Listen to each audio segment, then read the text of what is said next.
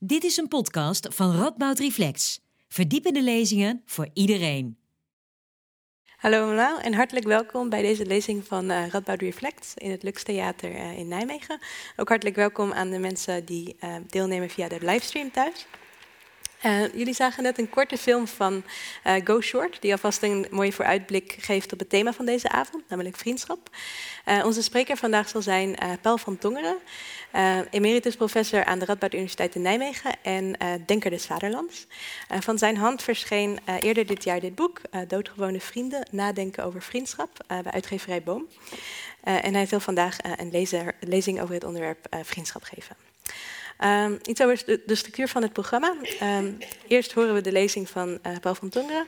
Daarna zal ik met Paul uh, een kort gesprek aangaan. En daarna hebben we ruimte voor uh, vragen. Niet alleen voor vragen uit de zaal, maar ook eerst van vragen via de livestream. en die zullen mogelijk worden gemaakt door het programma Menti. en als u een vraag wil opsturen, dan kan dat al gedurende de lezing of gedurende het gesprek. En dan moet u de code gebruiken die u onderin het scherm kunt vinden. Uh, en voor de mensen in de zaal, uh, u kunt eventueel ook, als u liever niet uh, op de livestream wordt opgenomen, gebruik maken van deze code en via uw telefoon een vraag insturen. en dan moet u deze code gebruiken, 576 44004. Goed. Um, dan vraag ik graag een hartelijk applaus voor u voor Paul van Tongeren. Dank u wel.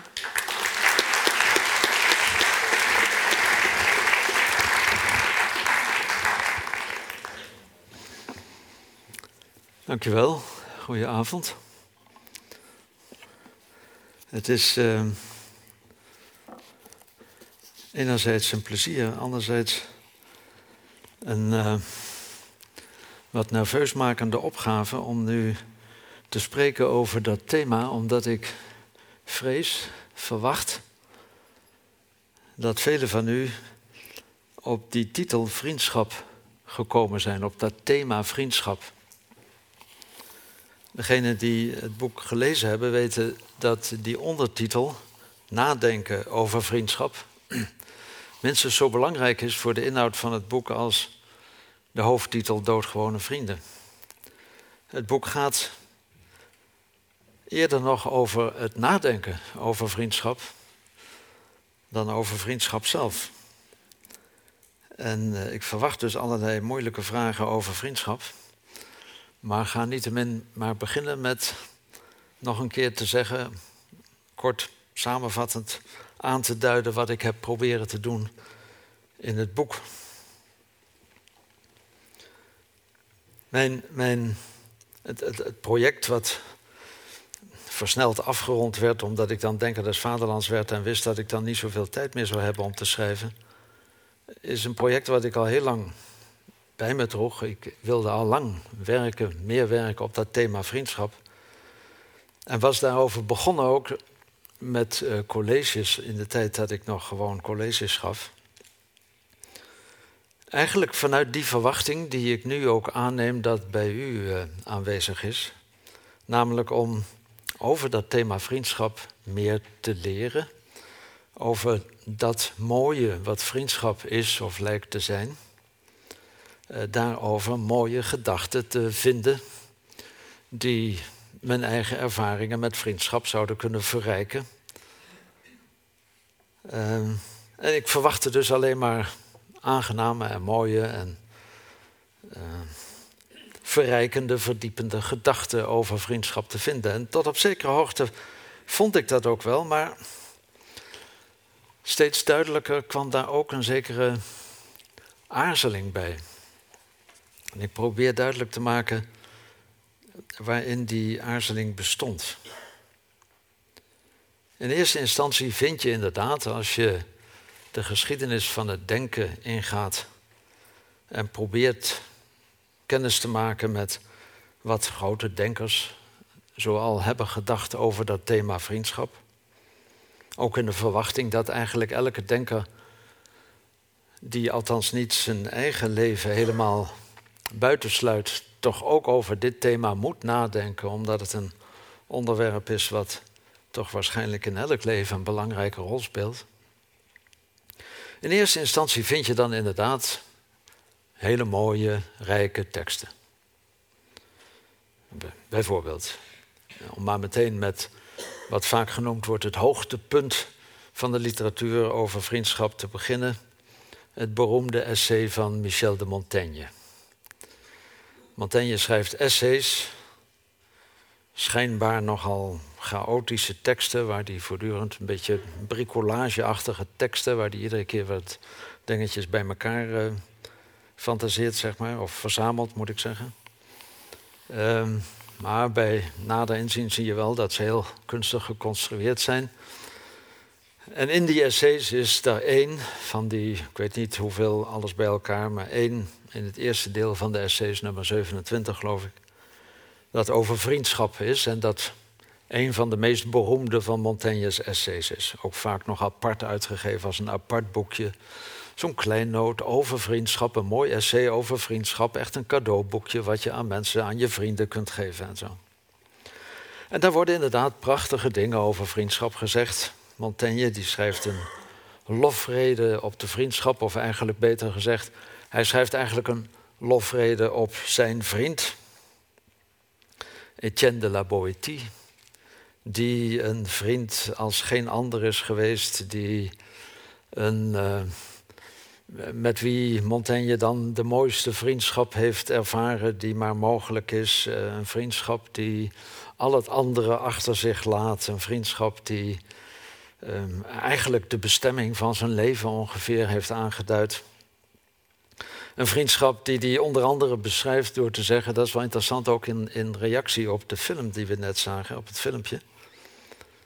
Uh, Montaigne zegt ergens, wij waren één ziel in twee lichamen. Ik vind dat een hele interessante uh, formulering. We kennen de, de formulering die precies de zaak om, omdraait, namelijk twee zielen in één lichaam. Dat is ongeveer wat we bij liefde denken. Dat, dat de zielen versmelten, als het ware, in, in één lichaam. Maar hier het één ziel in twee lichamen. Dus de lichamelijke afstand. Ik denk zelf dat dat een heel belangrijk element is eigenlijk in de vriendschap. De lichamelijke gescheidenheid, de lichamelijke afstand. Maar dat zijn alleen de lichamen die nog buiten elkaar zijn. Maar de zielen, de geest, zijn één geworden. Eén ziel in twee lichamen. Dat was de vriendschap tussen Michel de Montaigne en uh, Etienne de la Boétie. Mooi in verband met, met, met het filmpje, omdat dat viel mij nou eigenlijk meer op. Ik had het van tevoren een keer gezien. Toen dacht ik daar niet aan, maar nu ik het weer zag, dacht ik, ja, wat daar op het laatst gebeurt is eigenlijk dat de vriendschap, zou je kunnen zeggen, die daar ontstaat, in de, uh, ontstaat uit de brievenpost, die, die, ja, die verdwijnt uiteindelijk in een soort totale versmelting. Uh, niet alleen de versmelting van die twee, maar ze, ze gaan alle twee totaal op in, in een omgeving, in de, in de zee. Uh, en en zo'n totale versmelting, als het niet meer twee lichamen zijn, om met de taal van Montaigne te spreken, maar als het totaal versmelt, dan is dat misschien ook het einde van alles. Dat is in ieder geval iets wat, denk ik, bij veel denkers over de vriendschap een belangrijke rol speelt. Dat die gescheidenheid van lichamen belangrijk is om juist de vriendschap in stand te houden. Dat is waarschijnlijk ook de reden waarom, dat vermoed ik althans, de reden waarom veel denkers de vriendschap nog boven de liefde. Ik zet het tussen aanhalingstekens, omdat dat natuurlijk ook weer een begrip is wat uitgelegd zou moeten worden. Uh, maar bij velen zie je dat ze de vriendschap eigenlijk boven de liefde plaatsen. En dat heeft denk ik hier iets mee te maken. Goed, beroemd is ook, en, vaak geciteerd natuurlijk, die, die, die kernzin uit dat essay van Montaigne. Ook zoiets waar je iets moois over vriendschap leert. Montaigne die probeert aan te geven waar dan die vriendschap eigenlijk uh, door gemotiveerd wordt. Van waarom, waarom was Etienne nou die, die, die geweldige vriend van mij? Waarom was dat zo'n schitterende vriendschap? Waarom hield ik dan zo van hem? En dan komt helemaal precies in het midden van die tekst komt die beroemde zin. Omdat hij het was, omdat ik het was. Eh, met andere woorden, niet een motief van, van omdat hij mij iets opleverde, omdat ik het heel plezierig vond, omdat we het samen zo goed konden vinden, omdat we dezelfde interesses hadden, omdat we uh, leuke dingen meemaakten en zo. Al die dingen die je kunt beschrijven, dat is het allemaal niet. Maar die kern van die vriendschap Het uiteindelijke motief van die vriendschap is eigenlijk een soort onuitsprekelijke tautologie. Omdat hij het was, omdat ik het was. Mysterieus, maar mooi, prikkelend om over na te denken. Dat lijkt zoiets van die kern van die mooie vriendschap te zijn misschien. Of van Montaigne ga je gemakkelijk naar, naar een vroegere tekst, naar, een tekst van Cicero. Montaigne reageert eigenlijk zonder hem te noemen. Reageert op een ander beroemd essay over de vriendschap, zoals Cicero dat heeft geschreven. Cicero die een, een dialoog schrijft, hij probeert een beetje Plato na te doen en probeert een soort Platoonse dialoog te schrijven over de vriendschap. En een van de dingen die daar heel sterk in naar voren komt, een heleboel andere dingen ook, ik ga dat niet helemaal samenvatten, maar een van de dingen die daar heel sterk naar voren komt en waarop Montaigne dan ook reageert in zijn essay, is de vraag of je ooit eigenlijk een soort testvraag. Een, een, een, vraag over de manier waarop je een vriendschap wel of niet zou kunnen testen. En dan, dan roept hij de vraag op: stel nou dat je vriend je iets vraagt te doen wat jij afschuwelijk vindt, wat je onbehoorlijk vindt, wat je immoreel vindt, wat je, nou, waar je helemaal tegen bent, om het simpel te zeggen. Wat doe je dan? Het is je vriend, maar hij vraagt je iets wat tegen jouw eigen opvattingen ingaat. Wat doe je dan?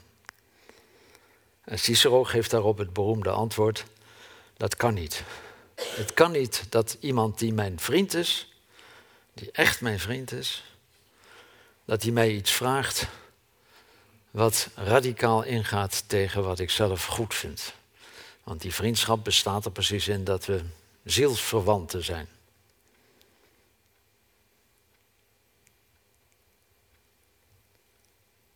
Maar dan begint Cicero na te denken.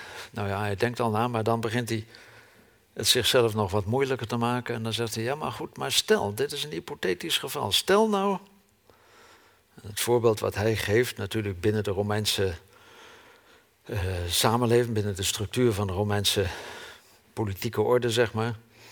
Zegt hij, stel nou dat jouw vriend uh, je vraagt om mee te helpen met wat hij van plan is. Hij wil de tempels in brand steken. Nou, dat is een groot schandaal natuurlijk. En hij wil dat jij helpt. Wat zou je doen?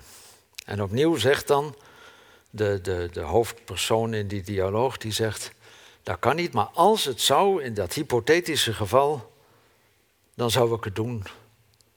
Nee, dan zou ik, nee, sorry, ik zeg het verkeerd, ik zit met Montaigne in mijn hoofd.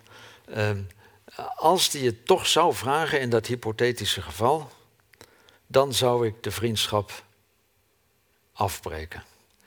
Want een vriend die mij vraagt om iets te doen wat grondig tegen mij ingaat, dat kan niet.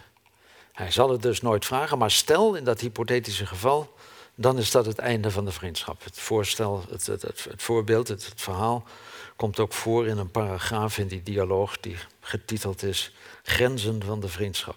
Cicero geeft dus wel grenzen aan. En Montaigne reageert erop. Montaigne, die een nog grotere lofrede op de vriendschap schrijft, reageert erop met te zeggen: Mijn vriend is mijn vriend. Stel dat hij iets zou doen, ik zou, ik zou met hem meegaan. Een vriendschap gaat boven alles. Of nog een hele andere auteur die, die ik wel eens gelezen heb met studenten over de vriendschap, Immanuel Kant.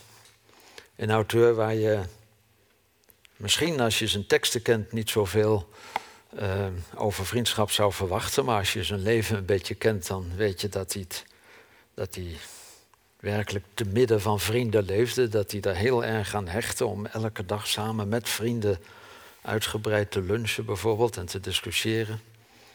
Iemand die dus in de praktijk in ieder geval de vriendschap heel goed kende. En die uitgebreid schrijft over vriendschap, over soorten vriendschap, over soorten vrienden, over hoe je verschillende vrienden in verschillende situaties kunt plaatsen en zo.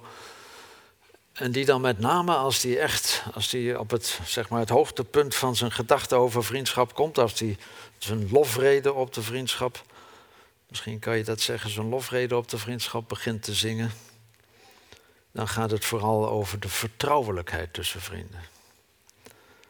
Over dat vriendschap voor een belangrijk deel, dat in ieder geval de hoogste, de beste vorm van vriendschap voor een belangrijk deel bepaald wordt door de manier waarop, door de mate waarin vrienden ten opzichte van elkaar open kunnen zijn, elkaar volledig zouden kunnen vertrouwen.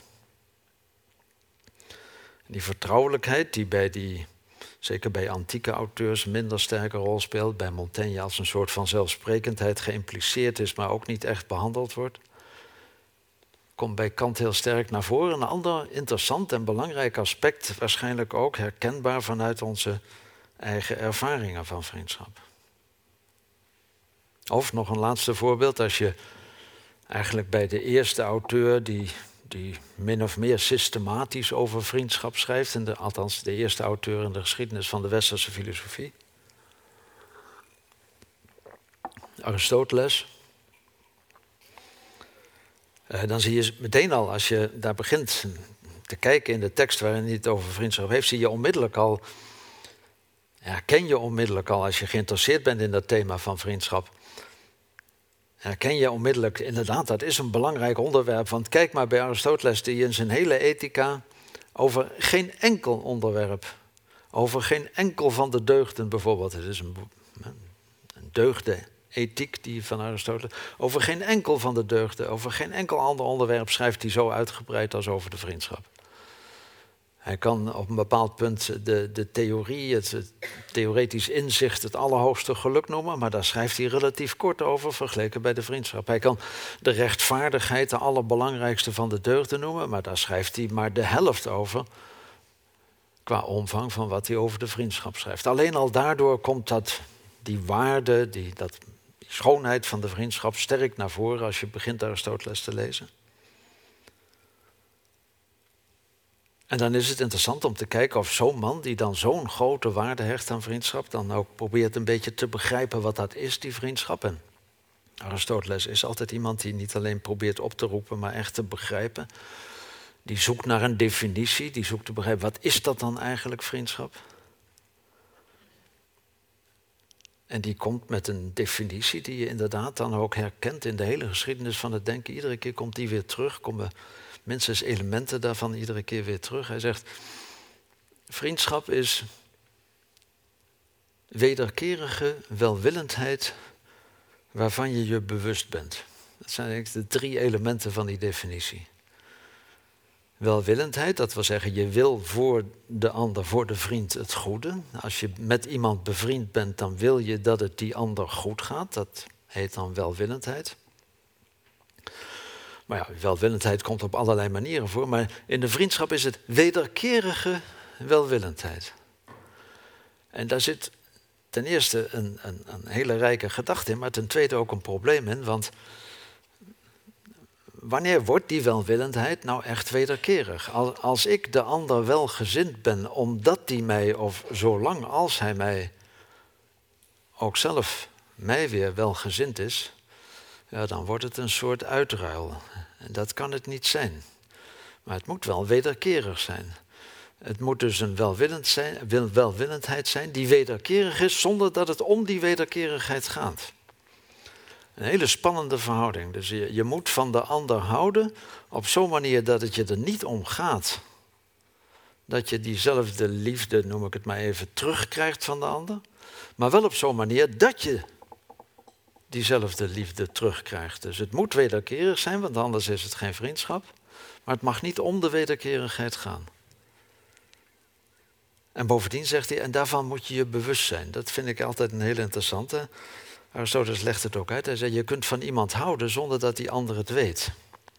En je kunt stiekem tegen iemand anders zeggen van eigenlijk ben ik helemaal gek op die en die. Maar die ander die weet er niks van. Iedereen die wel eens verliefd geweest is in het begin, die weet dat dat soort dingen kunnen gebeuren natuurlijk. En Aristoteles zegt, maar je kunt niet bevriend zijn met iemand zonder dat die ander het weet. Je kunt niet zeggen, dat is mijn vriend, maar hij weet het niet. Dat gaat niet. Dus je moet het ook weten van elkaar. Dus die drie elementen, en vooral die spanning die in die wederkerige welwillendheid zit, dat, dat levert inderdaad. Hè, want wat ik nu aan het doen ben, is eigenlijk zeggen.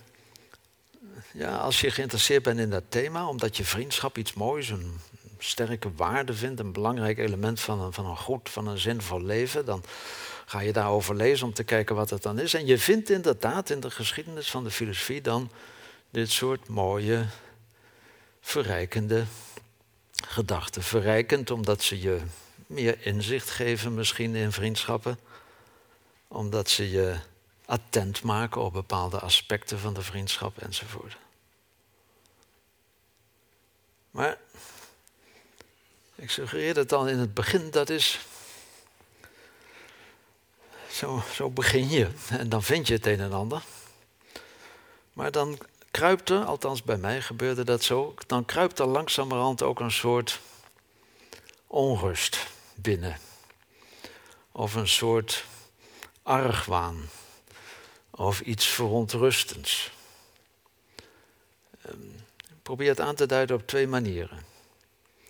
Ten eerste, je gaat zo door de geschiedenis van het denken. Dat is althans mijn manier om filosofie te doen. De ondertitel is niet voor niks nadenken over vriendschap. En nadenken betekent, wat mij betreft, minstens ook dat je probeert na te denken. Wat grote denkers, grotere denkers dan je zelf bent, wat grote denkers hebben voorgedacht. Wat Aristoteles gedacht heeft is niks waard, zolang ik het niet ook, is voor mij niks waard, zolang ik het niet ook na kan denken. Dus ik moet proberen na te denken wat mij voorgedacht is, om een beetje te leren denken over vriendschap.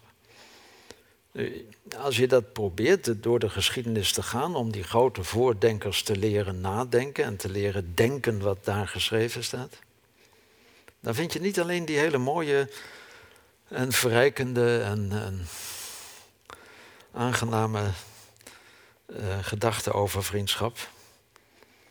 Maar je vindt ook iets verontrustends. Je vindt onder andere ook, eerste voorbeeld, tegenstemmen. Je vindt denkers die aangeven wat eerder hoogst problematisch is ten aanzien van de vriendschap. Ik geef maar een enkel voorbeeld. Pascal bijvoorbeeld. Pascal schrijft ergens. Als twee vrienden zouden weten wat ze over elkaar zeggen. Als twee vrienden van elkaar zouden weten wat ze over elkaar zeggen tegen anderen, dan zouden er geen twee vrienden meer op de wereld zijn. Als vrienden over elkaar, als vrienden van elkaar zouden weten wat ze over elkaar zeggen, zouden er geen twee vrienden meer in de wereld zijn. Een gedachte die je bij Nietzsche weer, weer kaatst vindt als hij zegt: Vriendschap bestaat maar dankzij het geheim. Dankzij het tegendeel eigenlijk van wat Kant zegt die vertrouwelijkheid. Dankzij een soort schimmenspel, dankzij een soort schaduwspel, dankzij een soort doen alsof. Of, tweede voorbeeld van Nietzsche, een aforisme van Nietzsche, waarin die zegt, ze waren vrienden, maar hebben hun vriendschap afgebroken vriendschap werd verbroken. De een verbrak de vriendschap omdat hij zich te zeer miskend voelde. De ander verbrak de vriendschap omdat hij zich te zeer gekend voelde.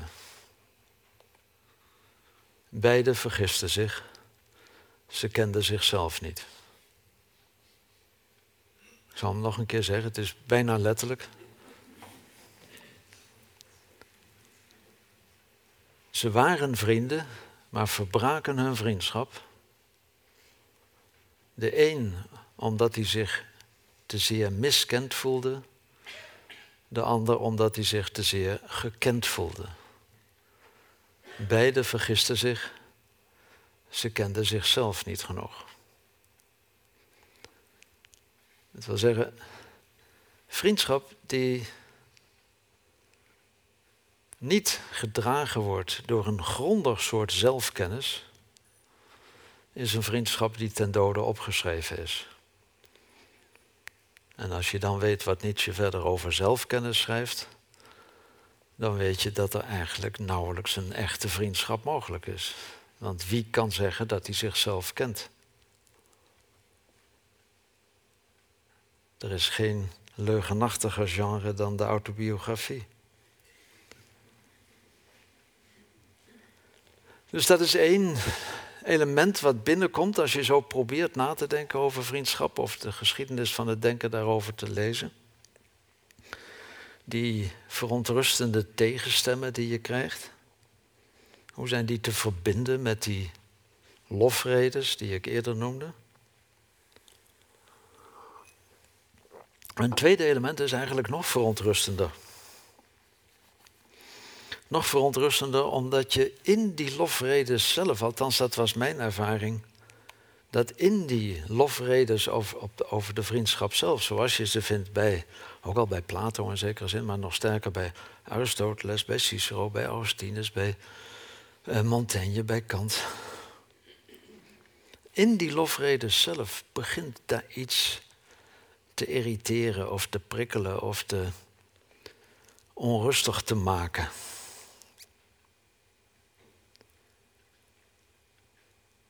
Van Aristoteles wordt wel gezegd, lange geschiedenis vertelt dat Aristoteles, die dus zoveel waarde hechtte aan vriendschap, dat hij over geen enkel onderwerp uitgebreider schreef dan daarover. Van diezelfde Aristoteles wordt gezegd dat hij op zijn sterfbed gezegd zou hebben: O mijn vrienden, er is geen vriend. O mijn vrienden, vriendschap bestaat niet. O philoi oudes philos in het Grieks. Hij heeft dat nergens opgeschreven, althans niet op in een van de teksten die we hebben van Aristoteles is, is dat te vinden. Het, stamt uit een tekst die een paar eeuwen later, uh, een tekst van een paar eeuwen later uit de Romeinse tijd eigenlijk, uh, maar wel een Griekse tekst. Maar wordt een, een hele lange traditie lang eigenlijk aan Aristoteles toegeschreven. Deze kampioen van het schrijven over vriendschap, Aristoteles. Deze auteur die zo mooi en zo indringend en zo inzichtgevend schrijft over vriendschap, zou aan het eind van zijn leven gezegd hebben: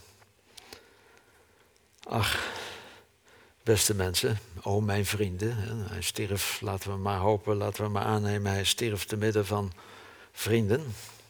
Ach, beste vrienden, echte vriendschap bestaat niet.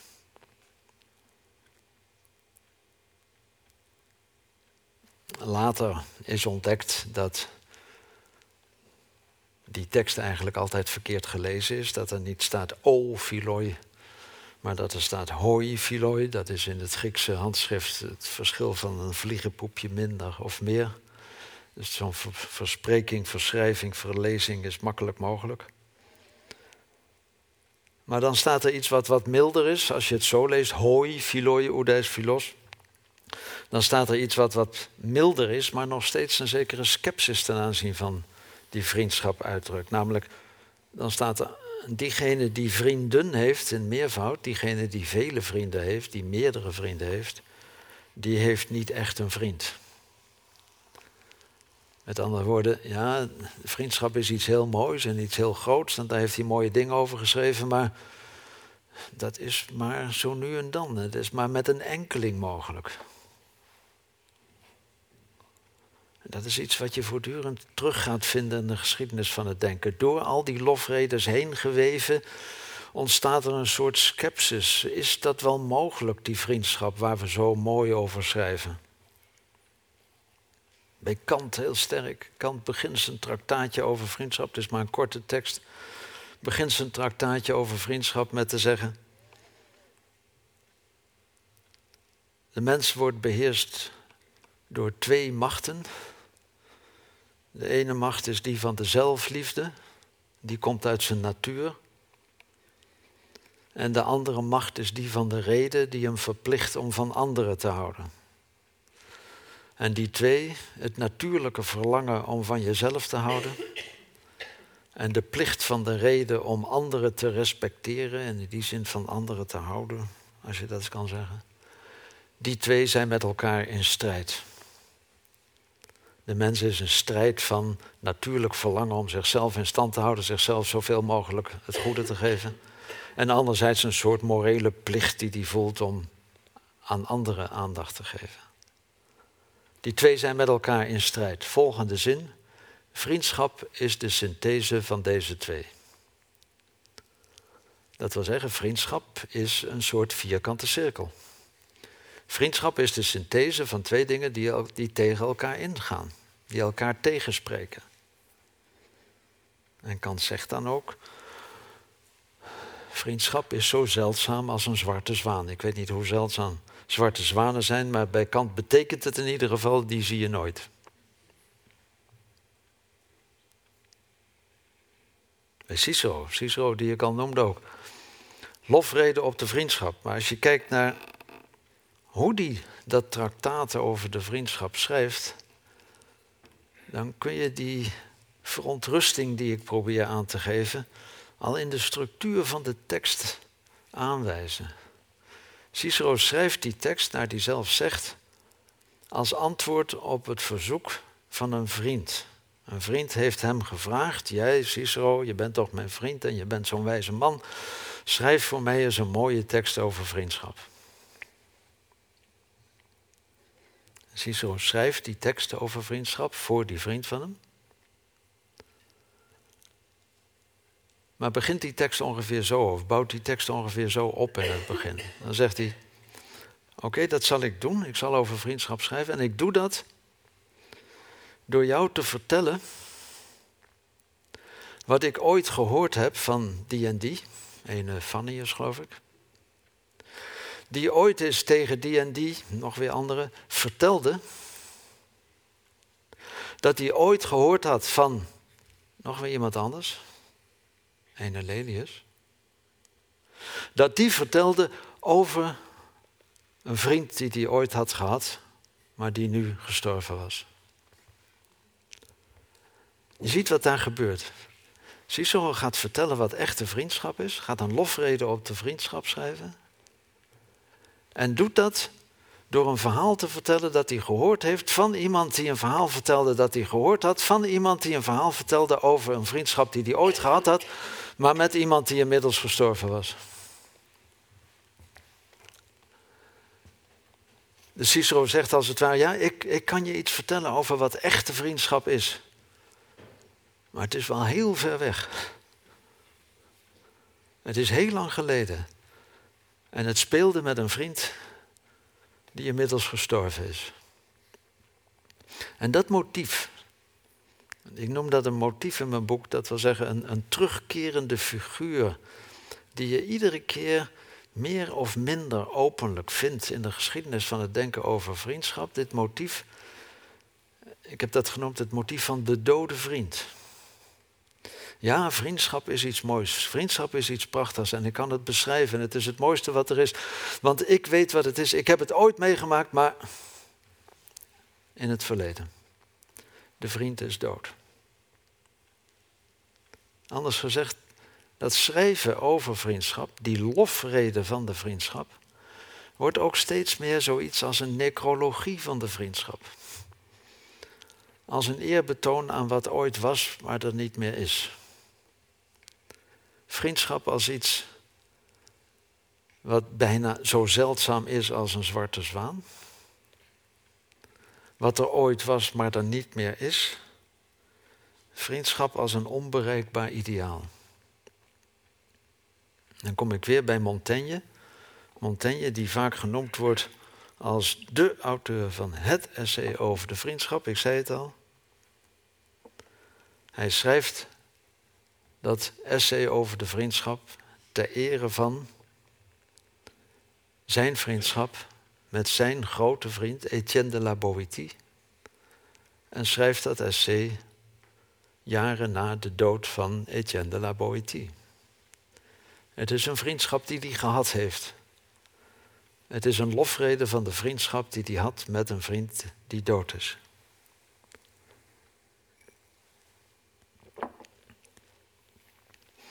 De, de verontrusting die ontstaat in dat proberen na te denken wat auteurs hebben geschreven over de vriendschap, die verontrusting komt hierop neer dat je in de lofrede steeds ook de lijkrede hoort meeklinken. Dat je in de lofrede, in het ideaal van de vriendschap, ook steeds de echo hoort van het voorbij zijn van de vriendschap of het onmogelijk zijn van de vriendschap of op zijn minst het onwaarschijnlijk zijn van de vriendschap. En het is die onrust die ik steeds meer ervoer in het lezen van die teksten die lofreden zijn op de vriendschap. Die voor mij steeds meer, als het ware, de, de kern van het betoog is geworden. Dat wil zeggen, ik heb steeds meer proberen te vragen, wat, wat moet ik daarmee? Wat kan ik daarmee? Wat, wat betekent dat, dat die twee zo aan elkaar vastzitten?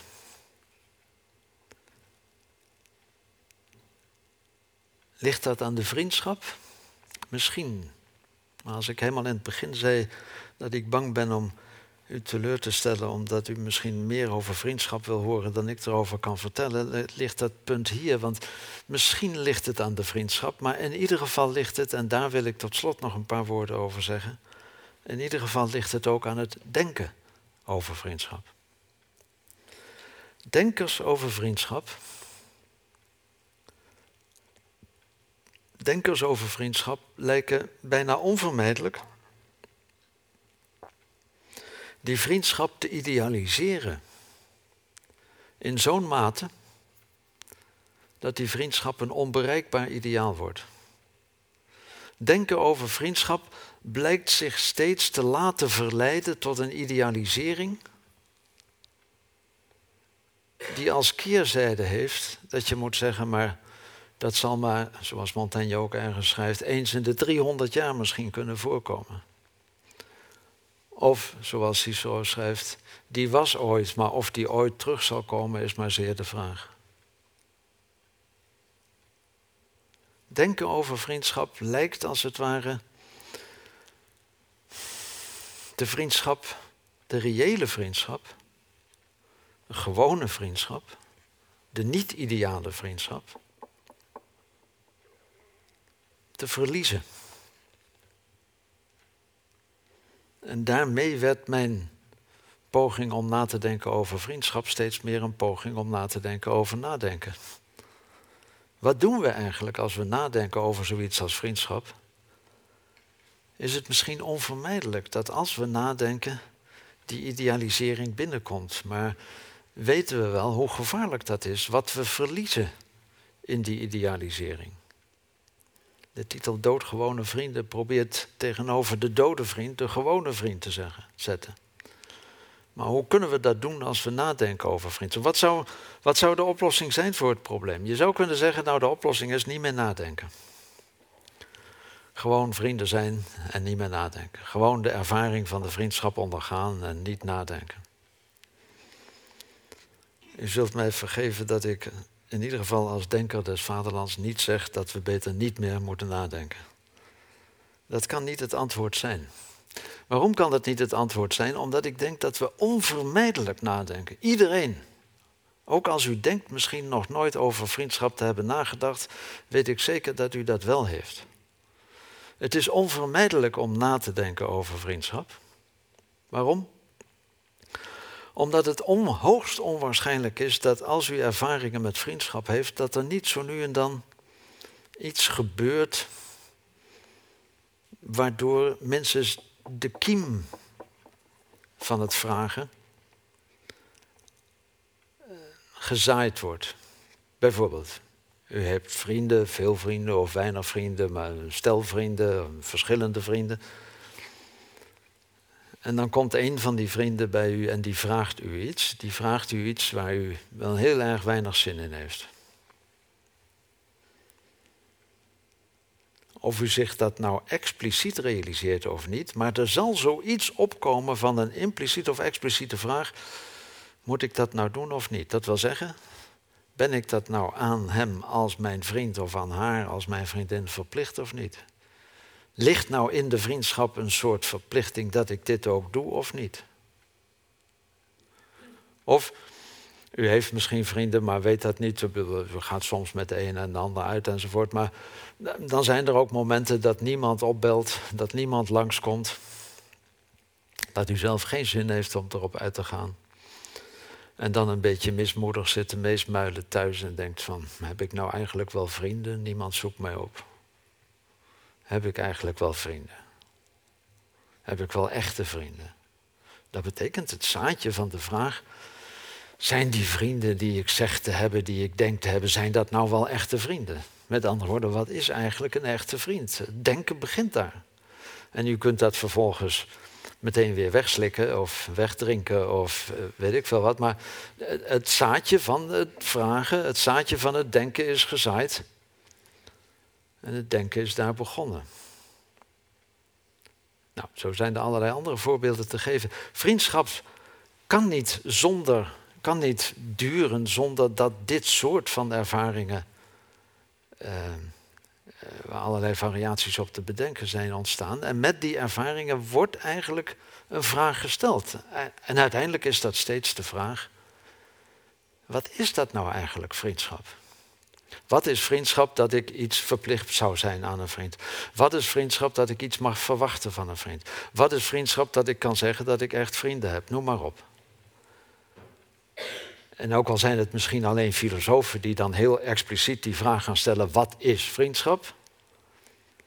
Maar eigenlijk hebt u zelf die vraag impliciet al gesteld. U bent al begonnen te filosoferen. Filosofen doen niks anders dan meer expliciet en, en wat, wat gesofisticeerder, wat wij allemaal voortdurend doen. U bent gaan denken over vriendschap. En dan komt het probleem. Want als het zo is dat inderdaad in de ervaring van vriendschap al opgesloten ligt, die vraag: wat is eigenlijk vriendschap? dan is niet alleen de kiem van het denken gelegd, maar dan is ook de kiem van die idealisering gelegd. Want u zegt, wat is eigenlijk vriendschap? Ik heb wel veel vrienden, maar heb ik eigenlijk wel echte vrienden? Wat is nou eigenlijk vriendschap? Wat is echte vriendschap? Wat is ware vriendschap? Wat is de kern van vriendschap? Enzovoort. Maar daar begint het probleem. Dat wil zeggen, daar wordt het probleem zichtbaar. Want op het moment dat u zich dan gaat, gaat richten op wat echt vriendschap is, wat eigenlijk vriendschap is, wat de ware vriendschap is, wat de kern van vriendschap is, ja, wat blijft er dan over van al die relaties die u had en die u tevoren wel mijn vrienden noemde, mijn vriendschappen enzovoort? Beantwoorden die allemaal aan wat echt vriendschap is, wat eigenlijk vriendschap is? En daar gebeurt iets waarvan ik eigenlijk door Nietzsche ben gaan denken dat het misschien wel de kern is van wat niet alleen ten aanzien van vriendschap, maar ten aanzien van allerlei reflectie gebeurt. Dat wil zeggen, op het moment dat wij over iets gaan denken, komt bijna onvermijdelijk die idealiserende tendens tevoorschijn, die tendens naar een begrip van wat de kern, wat het eigenlijke is. En daarmee het grote gevaar dat met het eigenlijke al het andere oneigenlijk wordt. Of in termen van vriendschap, dat met de lofrede op de hoogste, de eigenlijke, de kern van vriendschap, mijn reële vriendschappen overblijven als, ja, maar dat is geen echte vriendschap. Het essay van Montaigne bestaat voor het overgrote deel, het zijn alles bij elkaar, wat zal het zeggen, iets van, denk ongeveer 15 pagina's of zo.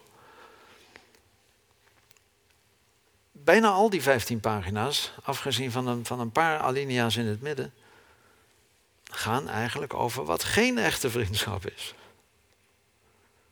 Dat wordt wel vriendschap genoemd, maar dat is geen echte vriendschap. Zelfs bij Aristoteles begint dat al een beetje. Aristoteles, de meest realistische van al die auteurs die ik genoemd heb, denk ik. Onderscheidt meteen al in het begin van zijn traktaat drie soorten van vriendschap. Drie soorten die hij onderscheidt al naar gelang het motief van die vriendschap. En van één zegt hij dat is de hoogste. Maar ja, op het moment dat één de hoogste of de eigenlijke of de wezenlijke vriendschap is, allemaal termen die hij gebruikt, is het de vraag in hoeverre die anderen nog vriendschap genoemd kunnen worden. Met andere woorden, het is bijna onvermijdelijk, bijna onvermijdelijk, bijna onvermijdelijk dat in het denken over vriendschap het ideaal van de vriendschap steeds hoger rijst en we de reële vriendschap, de ervaren vriendschap, als het ware dreigen te verliezen. En daarom denk ik dat we niet dat we niet moeten denken, maar dat we in ieder geval moeten voorkomen dat we naïef gaan denken. Dat wil zeggen dat we door ons denken over vriendschap, maar hetzelfde geldt voor andere dingen hoor. Hetzelfde geldt voor rechtvaardigheid bijvoorbeeld, of nou, noem maar waarover je allemaal kunt nadenken. Dat we niet moeten vallen, of hoe heet het, niet moeten trappen in de val. Dat we door de idealisering die in het denken lijkt uh, voorgeprogrammeerd te zitten, dat we daarmee de reële ervaring verliezen. Wat mij betreft, ik heb vaak me met Nietzsche bezig gehouden en een van die beroemde uitspraken van Nietzsche, of ik moet zeggen van Zarathustra eigenlijk, een van de figuren die hij opvoert, is dat woord blijf de aarde trouw. En ik denk dat dat ook vertaald kan worden als blijf je vriendschap trouw in het denken over vriendschap. Niet door er niet over na te denken, maar door in de idealisering de reële ervaring van de vriendschap niet kwijt te raken. Dank u voor uw aandacht.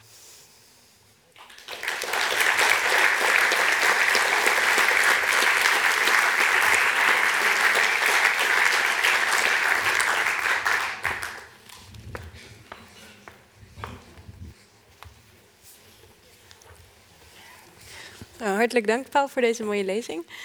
Um, misschien eerst een vraag die uh, aan het filmpje uh, dat we in het begin van uh, dit programma zagen gelinkt is. in het filmpje zag je eigenlijk twee, twee figuren die door elkaar op een bepaalde manier gevormd werden. Dus in het begin waren ze een soort ja, amorfe zandhoop en amorfe sneeuwhoop. En in, in de loop van het filmpje kregen ze steeds meer karakter doordat ze met elkaar iets uitwisselden. En wat me een beetje opviel in de denkers die, die je besprak in, in je praatje, was dat ze leken uit te gaan van een soort ja, een individu eigenlijk, uh, dat gegeven is, dat eigenlijk al af is, dat daarna pas met anderen in contact treedt. Denk je niet dat dat misschien ook ja, een van de gevaren is in het nadenken over vriendschap. Dat je eigenlijk uitgaat van een individu en niet uitgaat van, van de relatie. Dat is waar ik aan moest denken toen ik jou hoorde praten en het filmpje net, net gezien had. Ja, dat is interessant. Uh, misschien. Ik denk niet dat het helemaal zo is. Om, om maar Aristoteles als, als voorbeeld te nemen. Uh, dus Aristoteles beschrijft uitgebreid de vriendschap als, denk ik, de bekroning van het gelukkige, van het eidaimon leven. Het, het, gelukkige leven bij Aristoteles is het lukkende leven, zou je kunnen zeggen. Dat is iets wat, wat, wat als een. Het is geen einddoel wat maakt dat je ermee op kan houden. Het is de poging. Het is, het, het, het, het is een manier van leven waarin leven zo goed mogelijk lukt, zou je kunnen zeggen. Nu, als de vriendschap de bekroning is, dan betekent dat dat het een onderdeel is van die het, het bekronende onderdeel van die gang waarin je een gelukkig of lukkend mens wordt. Um, er is geen sprake van afgeronde, van al klaarzijnde individuen. Dat zijn mensen die in wording zijn. En, uh, Aristoteles is natuurlijk sowieso een heel sterke gemeenschapsdenken, waar de, de gemeenschap altijd in zit. Um, en, en in dat vormingsproces uh, speelt die vriendschap een heel belangrijke rol. Um, maar het is nog steeds primair de vorming van een individu of van meerdere individuen en niet de vorming van de relatie zelf, zou je kunnen zeggen, of, of niet? Ja, ik weet niet of de. Ik denk dat, dat, dat je dat bij Kant heel sterk kunt zeggen. Dus wat Kant over vriendschap zegt, dat blijft heel sterk, ook bijna onvermijdelijk bij Kant, gebonden aan die, aan die autonome individuen. Ja. Um, bij Aristoteles twijfel ik of je dat kunt zeggen. Ik denk het eigenlijk niet. Ik denk dat je daar wel degelijk ziet. Überhaupt het begrip individu past eigenlijk niet bij Aristoteles. De, de, de personen zijn altijd zo door en door uh, in een gemeenschap gelokaliseerd, door een gemeenschap gevormd en bepaald. Um, uh, tenzij je het heel radicaal neemt. En dat is ook een interessante laag, denk ik, in je, in je vraag. Je zou natuurlijk kunnen proberen te denken, maar dat is een manier van denken die, waartoe sommige denkers, onder andere Nietzsche, denk ik, ons sterk uitdaagt, maar die niet zo gemakkelijk is. Je zou kunnen proberen om helemaal de verhouding individu en gemeenschap heel radicaal om te draaien en te zeggen, in plaats van elke vorm van gemeenschap, of dat nou de grote gemeenschap is of de gemeenschap van een vriendschap bijvoorbeeld, in plaats van die te denken vanuit de samenstellende delen, zou je omgekeerd de individuen of de delen moeten begrijpen als product van een, van een relatie. Ja. In plaats van te zeggen dat er eerst vrienden moeten zijn voordat er vriendschap is, uh, kun je inderdaad begrijpelijk maken dat zolang er geen vriendschap is, er ook geen vrienden zijn. Dus dat er pas vrienden zijn als er vriendschap is. En dat je dus vanuit de relatie moet proberen te begrijpen wie de de, de, wie de, ja, je kunt dan niet meer spreken van samenstellende delen, maar wat, wat vrienden eigenlijk zijn. Maar zou je dan misschien ook kunnen zeggen dat het probleem is dat die boeken of die, die traktaten worden geschreven door individuele mensen? En vaak ook mensen die dan over zijn gebleven nadat een vriendschap is beëindigd of nadat eh, de vriend is doodgegaan. Dus dat je eigenlijk een individu overhoudt en dat er dan ja, die relatie eigenlijk niet meer centraal staat. Ja, twee dingen. Eén, helemaal mee eens. Eh, dat is ook een van de dingen die ik probeer te schrijven van als je nadenkt over vriendschap, doe dat bij voorbaat samen met vrienden. Ja. Dus in vriendschap nadenken over, over vriendschap. Daarover heeft Derrida interessante dingen gedaan. Die zegt, iemand die schrijft over vriendschap is al vervat in een soort vriendschapsverhouding. Het tweede, maar dan kom ik weer terug op dat, op dat, uh, dat filmpje waarmee je begon. Er, blijft ook iets, dus dat, dat filmpje geeft ook een omgekeerde suggestie. Want je hebt gelijk dat die, dat die amorfe wezentjes pas iets van individuen worden door de relatie. Maar het is ook aan het eind het omgekeerde. Dat we zeggen, daar waar ze echt bij elkaar proberen te komen en iets met elkaar te hebben, mhm. daar verdwijnen ze alle twee. Ja. Uh, met andere woorden, de gescheidenheid, de afscheiding en, en uh, de, het apart zijn, is ook belangrijk. Ja. Is, is ook een wezenlijk element waarschijnlijk van de vriendschap. In ieder geval voor mensen als wij die na de moderniteit geboren zijn. Mhm. Ja, ja dankjewel. Een tweede vraag uh, die ik zou willen stellen. Ik vond het heel interessant wat je zei over nou ja, het, het, idee dat er een soort idealisering op de loer ligt als je ja, over wat dan ook gaat nadenken. Dus uh, als je iets hebt in de wereld en daar ga je dan op reflecteren, dan uh, ja, doe je daar iets mee en dan wordt het eigenlijk iets anders. Maar ik vroeg me eigenlijk af, want ja, de denkers die je in je boek beschrijft zijn allemaal ja, kanonieke filosofen. En ik vroeg me af of je wel helemaal kunt zeggen van ja, al het nadenken of alle reflectie over dingen in de wereld is ja, filosofie in deze zin. Want ik, ik moest bijvoorbeeld denken aan, aan, aan, literatuur over vriendschap, die vaak veel dichter bij concrete vriendschap blijft en vaak ook nou, de lelijke kanten daarvan benadrukt of uh, de problemen met vriendschap benadrukt. Uh, en ja, dus eigenlijk concreter is en minder idealiserend. En toch wel degelijk filosofisch kan zijn. Dus is, is het niet een beetje te kort door de bocht om te zeggen: alle reflectie uh, is idealiserend van aard of heeft een idealiserende dreiging? Kun je niet zeggen: ja, we kunnen ook op andere manieren reflecteren, bijvoorbeeld door literatuur te lezen uh, of met elkaar te praten of uh, ja, andere manieren van, van reflecteren beoefenen?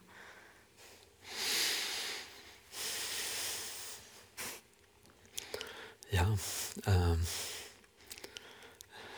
de waarde van literatuur of überhaupt artistieke verbeelding van de werkelijkheid is, is in het algemeen en voor de filosofie in het bijzonder vreselijk belangrijk.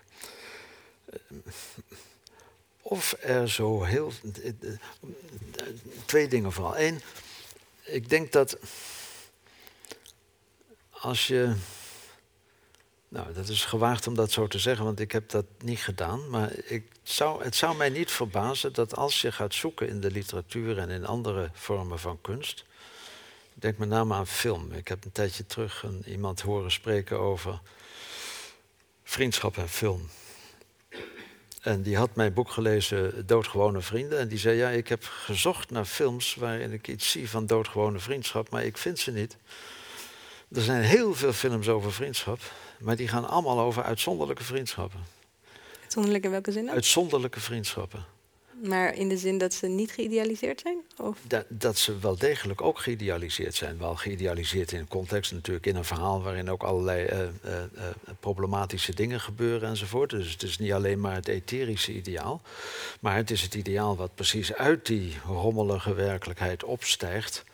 Als, het, als, als, ja, als een ideale vorm van vriendschap. Dus het zou mij niet verbazen als je ook in de literatuur en in de film en in het theater nogal wat, maar ik zeg het voorzichtig, nogal wat idealisering van de vriendschap terugvindt.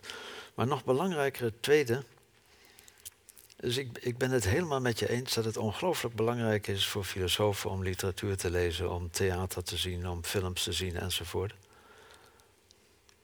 Maar wat je in een roman leest, of in een verhaal leest, of in een film ziet, is daarmee nog niet hetzelfde als wat de filosofie doet. Het is wel een vorm van nadenken, toch? Of een vorm van reflectie? Het, het, is, het is vergelijkbaar misschien met wat ik bedoelde aan te geven net met die voorbeeldjes van onze ervaring van vriendschap. Dus je, je participeert als het ware door de literatuur en door de film en het theater, participeer je als het ware ook aan de ervaring van anderen dus een, een, een, een film over een vriendschapsverhouding is vergelijkbaar een beetje. Natuurlijk, vergelijkingen gaan ook altijd een beetje mak, maar is een beetje vergelijkbaar, denk ik, met iemand die jou een vertelt over zijn of haar vriendschappen.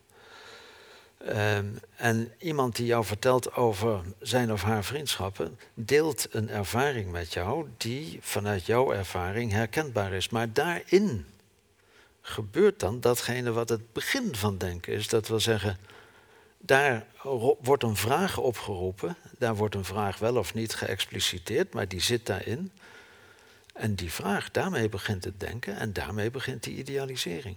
Dus als wij, ook als jij voorbeelden geeft van, uh, zou kunnen geven van literatuur waarin die doodgewone vriendschap getoond wordt, mhm dan is dat een voorbeeld dat ons uitdaagt om daar vragen bij te stellen. Waarom is dat nou doodgewone vriendschap? En wat, wat is dan daarin de vriendschap? Dus heel gauw zal ook daarin die vraag komen die ons als het ware weer uit die ervaring trekt en een ideaal tegenover die werkelijkheid stelt. Mhm. Dus ja, literatuur is ongelooflijk belangrijk. En misschien dat literatuur voor een deel een ander soort beeld van vriendschap oproept dan de filosofie. Maar literatuur is dan ook nog geen filosofie. En, en literatuur boeit ons zo omdat, om, omdat het vragen oproept. Die vragen om meer, die vragen om daarover te spreken, die vragen om, om daarover na te denken. En dan, dan begint de, de ellende.